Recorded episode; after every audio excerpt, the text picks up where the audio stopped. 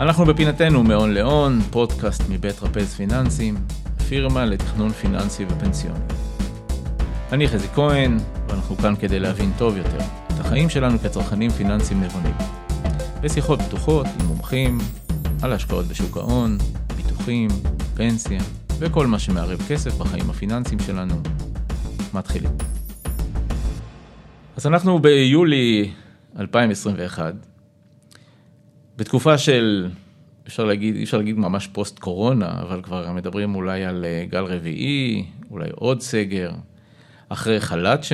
שמסתיים, שוק מניות שעלה בצורה מטורפת, בעיקר בארצות הברית, ריבית מאוד נמוכה, אינפלציה שמתחילה טיפה להרים את הראש, ועוד סוגיות אה, מקרו-כלכליות כאלה ואחרות.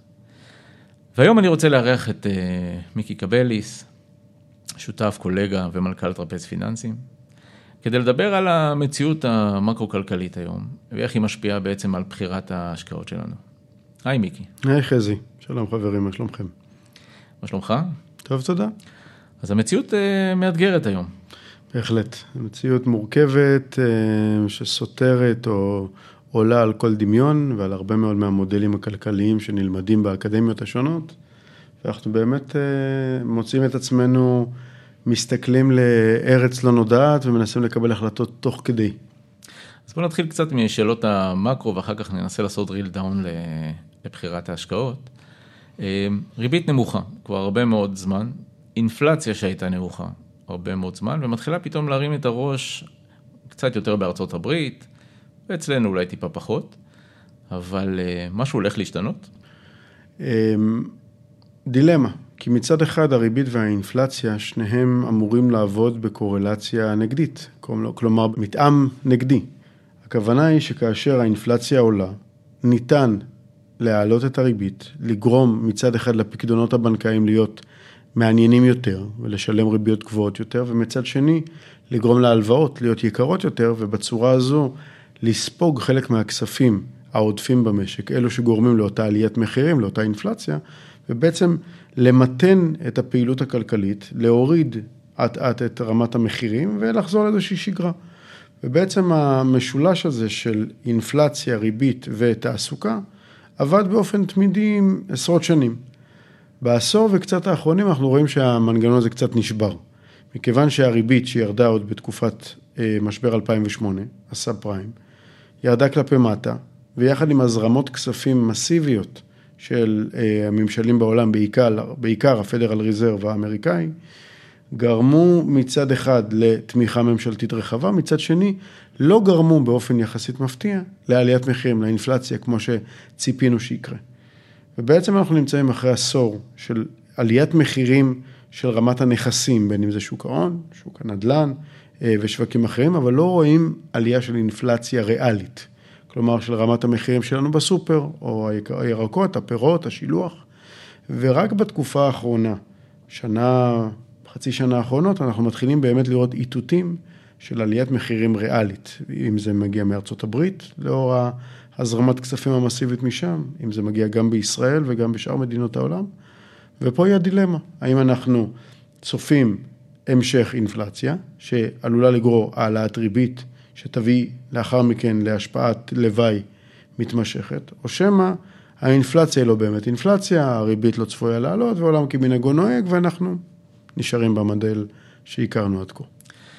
אז בעצם ריבית נמוכה זה משהו שאנחנו רואים הרבה מאוד uh, זמן, וכשהריבית נמוכה אז כמובן התיאבון uh, לסיכון הוא קצת יותר גדול. Uh, אחד הדברים שבאמת uh, עודדו את שוק המניות לעלות uh, כבר הרבה מאוד uh, שנים, ולמרות משבר הקורונה שהיה במרץ 2020, וירידות מחירים שהיו מאוד uh, מהירות, גם החזרה, מה שנקרא, לשגרה ויותר מזה, הייתה מהירה. ואנחנו חווים, אם אנחנו היום ביולי 2021, חווים כבר יותר משנה של ראלי מטורף בשוק המניות, בעיקר האמריקאי, בתמיכה של מניות הטכנולוגיה, בעיקר הגדולות.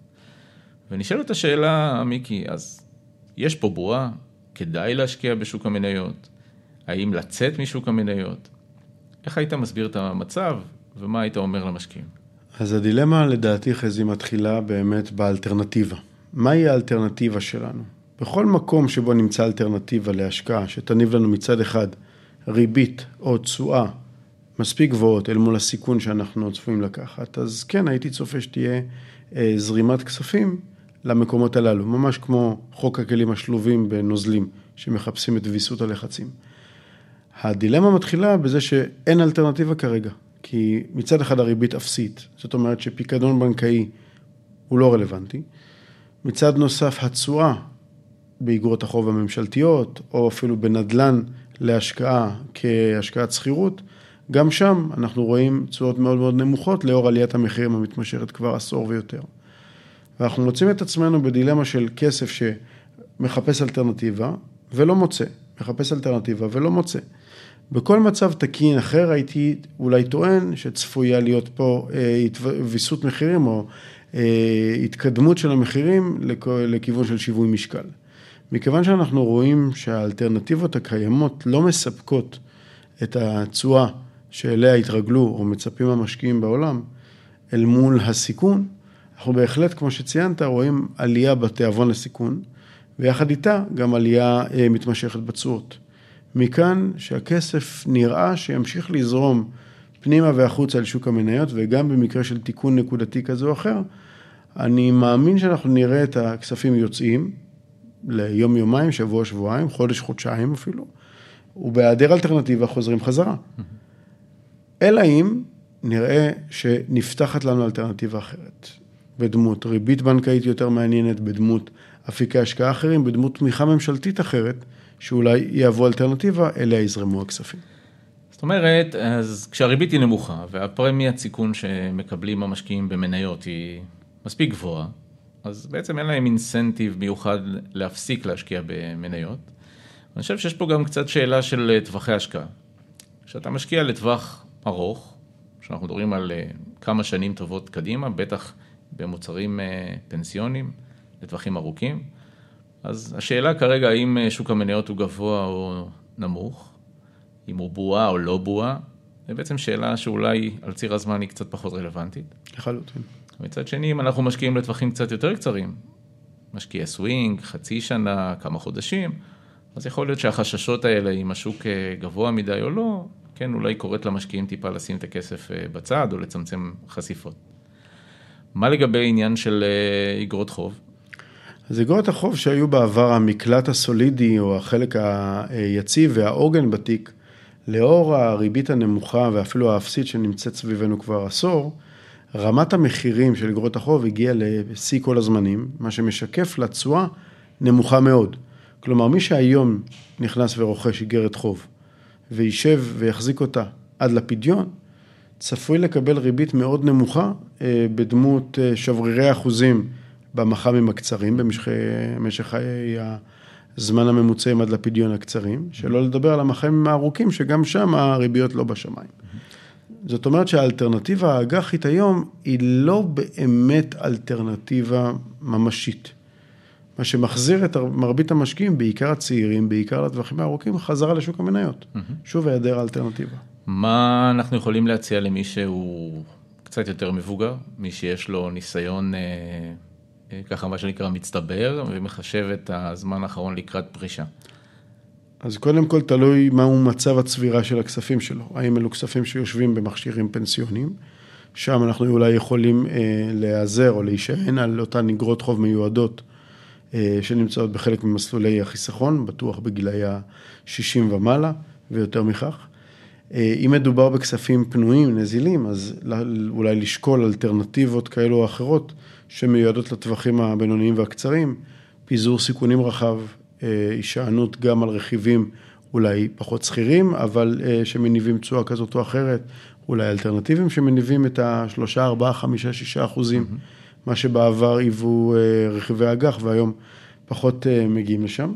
ואולי לא פחות חשוב מכך, בטוח אם מדובר בטווחי הזמן הקצרים של שלוש, ארבע שנים ומטה, להתכונן למצב של צפי להעלאת ריבית. כלומר, מה יקרה לכש ואם הריבית העולמית והריבית במשק הישראלי, ריבית בנק ישראל, תעלה. כשאנחנו מדברים בעצם על העלאת אה, ריבית ועל מול זה את שוק האג"ח השכיר, אז אנחנו בהחלט יכולים לצפות אה, להפסדי הון בשוק האג"ח הסחיר. לחלוטין. מה שאומר שהמציאות היום היא אולי אה, טומנת, טומנת בחובה קצת יותר סיכון מסיכוי.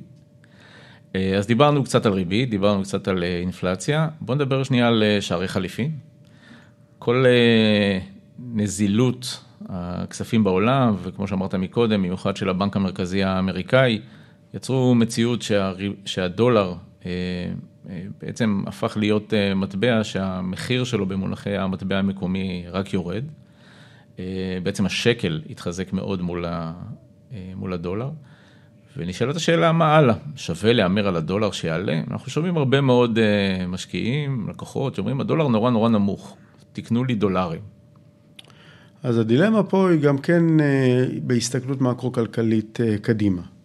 כי אם אנחנו צופים תרחיש, שהוא בהחלט אפשרי, שבו המשק האמריקאי יוריד הילוך בדמות העלאת ריבית לאור האינפלציה שמראה את אותותיה שם, והיתכנות להפסקת הזרמת הכספים המשוגעת הזאת לשווקים, אז אנחנו כנראה נראה ירידה בהיצע הכספים, מה שיגרום לעליית המחיר, בעצם עליית שער הדולר. צריך להבין ששער הדולר לא נקבע מול שער השקל, אלא נקבע מול סל המטבעות הכולל, וכאשר מדפיסים יותר דולרים מאשר כל שאר המטבעות, אז בעצם ההיוויסות נעשה אל מול כמות הכספים הנוספת שהודפסה. בישראל, מאז אמצע שנות ה-80, לאור חוק בנק ישראל, לא באמת מדפיסים כספים נוספים למשק, אלא מייצרים אותם בצורות אחרות. כלומר, הדפסות הכספים נועדו אך ורק כדי להחליף מחזורים ולא כדי להגדיל את כמות הכסף. ולכן לא מפתיע שהשקל הפך להיות אחד המטבעות החזקים בעולם, אם לא הכי חזק. כיוון שהכמות שלו לא גדלה, ההיצע שלו נותר קבוע. אז שער החליפין שלו אל מול שאר המטבעות פשוט לא משתנה, כאשר כל שאר העולם מדפיס כספים עוד ועוד. גם התמיכות הממשלתיות בישראל היו בדמות העברת כספים מהמאגרים שהיו ולא בדמות הדפסה נוספת. אז אני כן יכול להבין את החשיבה הזו של בוא נרכוש היום השקעות דולריות, כי יש סיכוי שהדולר יעלה. יחד עם זאת, העובדה היא שבנק ישראל מווסת את שער הדולר ומנסה לחזק אותו, רק מצביעה על כך שהמחיר הכלכלי האמיתי החופשי של הדולר מול השקל, יכול להיות שצריך להיות נמוך יותר. Mm-hmm. זאת אומרת שאם נכנסים להשקעה דולרית, צריך להבין שאנחנו איפשהו אולי מקריבים השקעה לטווח הקצר, אל מול איזושהי תחזית לטווח הארוך יותר. אבל סך הכל אה, השקעה במטבע, אפשר להגיד שהיא אה, הרבה פחות נוחה לטווח ארוך, כשאתה רוצה להניח מה יהיה המחיר. למשל, אם נשאל את עצמנו מה יהיה שער הדולר בעוד עשר שנים, קשה, קשה, קשה להגיד שהוא יהיה גבוה, בדיוק כמו אותה מידה שקשה להגיד שהוא יהיה נמוך. שזה בניגוד אולי להשקעות אה, ריאליות אחרות, כמו מניות או נדל"ן, שאפשר להגיד שסביר לאורך זמן יעלו את אה, מחירן. מה שאומר שאולי השקעה דולרית צריכה יותר להתאים לצורך הריאלי של אותו אה, משקיע, ולאו דווקא כהימור על השקעה. אז אני אדייק את דבריי יותר לעומק. מטבע הוא לא אפיק השקעה. נקודה. Mm-hmm. פסוק חדש. השקעה דולרית יכולה להיות השקעה בנדל"ן, בשוק ההון, בחברה, בנכס, בכל דבר אחר, שהוא המנוע הכלכלי. כאשר שער החליפין הוא רק שער החליפין, הוא הדרך שבו קניתי את אותה השקעה. עכשיו, אני יכול בהחלט ליהנות מעליית שער החליפין, ככל שהוא בא לטובתי, או להיפגע ממנו ככל שהוא בא נגדי. המטבע כמטבע, אין לו שום ערך כלכלי, הוא לא מנוע כלכלי, mm-hmm. הוא פשוט מכשיר להעברת כספים ולהמרת מטבע. באותה נשימה ובאותה לוגיקה, גם המטבעות הקריפטוגרפיים הם לא אפיק השקעה. הם בהחלט יכולים להיות חשופים לעלייה או לירידה של המחירים, אבל מה שאנחנו מחפשים בעיניים של משקיע, זה את המנוע הכלכלי. ולכן אנחנו נחשף אולי באמצעות מטבע, אבל למנגנון כלכלי כזה או אחר. אמ, אוקיי, דיברנו בעצם על מניות, דיברנו קצת על אג"חים, דיברנו על ריבית ואינפלציה ושערי חליפין. בואו אולי קצת מילה אחת אה, לסיום, לדבר על השקעות אה, נדל"ן. השקעות נדל"ן כשסביבת הריבית היא מאוד אה, נמוכה, כמובן מייצרת עוד הזדמנות לייצר תשואות קצת יותר גבוהות, אבל באופן כללי נדל"ן בישראל זה משהו שעולה תמיד. נכון? לא, הוא לא עולה תמיד, ראינו תקופות אפילו ארוכות שנדל"ן בישראל ואפילו במרכז תל אביב ירד, ראו ערך השנים 98 אה, עד 2005, מחירי הנכסים ירדו ב-20 אפילו ב-30 אחוזים במרכז תל אביב. הסיבה הייתה דאז עודף היצע על הביקוש, הבנייה המאוד מסיבית שהתחילה בשנות ה-90 בעקבות העלייה הגדולה מחבר העמים. והריביות הגבוהות ששררו במשק באותה תקופה גרמו בעצם לנדל"ן להיות אלטרנטיבה פחות מעניינת. קודם כל עודף היצע, שנית המחיר היה גבוה באופן ריאלי, בעיקר לטובת מי שמינף או מימן.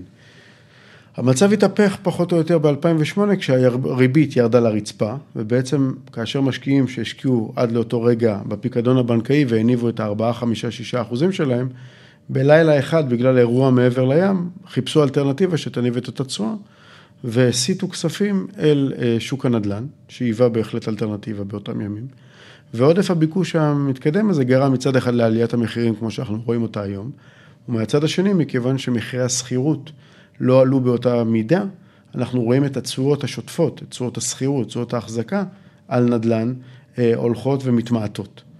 ללא ספק הייתה גם עליית ערך, והמחיר של הנכס שאותו קניתי, יכול להיות שמכרתי אותו מחיר גבוה יותר, וישנה סבירות שאולי המצב הזה יימשך כל עוד אין אלטרנטיבת בנייה מספיק גדולה, כלומר הגדלת היצע, וכל עוד הריבית במשק נמוכה.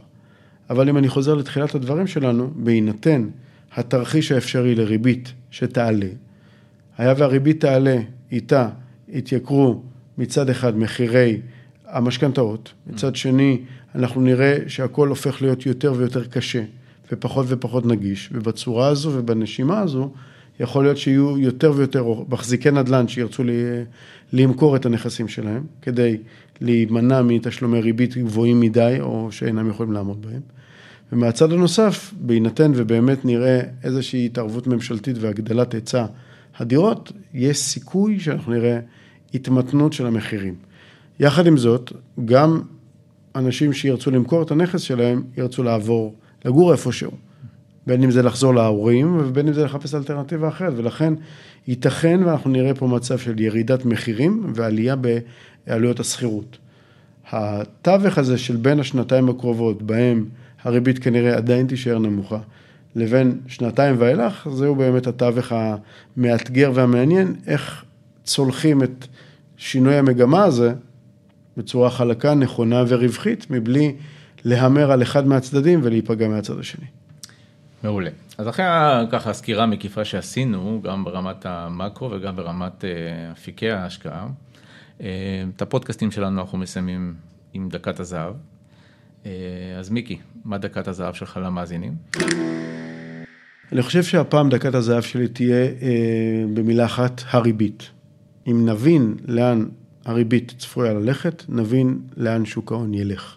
כי בעצם כל שוק ההשקעות, שוק ההון, שוק הנדל"ן, שוק הטכנולוגי, השוק האלטרנטיבי, כולם כולל כולם כולל כולם, הם בעצם אלטרנטיבה לריבית המשק, לריבית הבנקאית. אם אנחנו מבינים שהריבית תעלה, אנחנו צפויים לראות איזושהי התמתנות בשאר האפיקים. אם הריבית תיוותר על כנה ותתווסף להזרמת כספים מסיבית, כמו שאנחנו רואים, השווקים ימשיכו לעלות. זאת אומרת, follow the rate, עקבו אחרי הריבית, תבינו לאן הולך השוק. אז כמובן שמי שקובע את הריבית אה, זה בנק ישראל, וכמו שאפשר לראות בפרוטוקולים או בפרסום או הנאומים של אה, הנגיד, גם להם יש כאב ראש מאוד אה, רציני. כי מי שקובע להם את הריבית זה הפדרל ריזרב. בין, בין היתר, וגם המציאות המקרו-כלכלית שמאתגרת פה מאוד, בטח בתקופת הקורונה או שלהי קורונה, או איך שלא נקרא למצב שאנחנו נמצאים בו כרגע. אז מיקי, המון המון תודה. תודה חזי. שמחתי לארח אותך. שמחתי להיות כאן. אז סיימנו עוד פרק של אה, מהון להון, פודקאסט מבית רפז פיננסים. אפשר למצוא אותנו באפליקציות הפודקאסטים ובדף שלנו, תמצאו אותנו בקלות בגוגל, תקלידו, רפז פיננסים. וחוץ מזה, כבר סיפרתם לחברים שלכם עלינו, אם לא, אז עכשיו זה יהיה זמן מצוין לשלוח להם את הקישור לפודקאסט ולדף שלנו. מוזמנים לרשום לנו תגובות בדף הפייסבוק, נושאים שמעניינים אתכם, שנדבר עליהם, וכמובן, תמשיכו לפרגן זה מבחינתנו כיף גדול לקרוא את התגובות והמחמאות שלכם. אני הייתי חזי כהן, תודה רבה ונשתמע.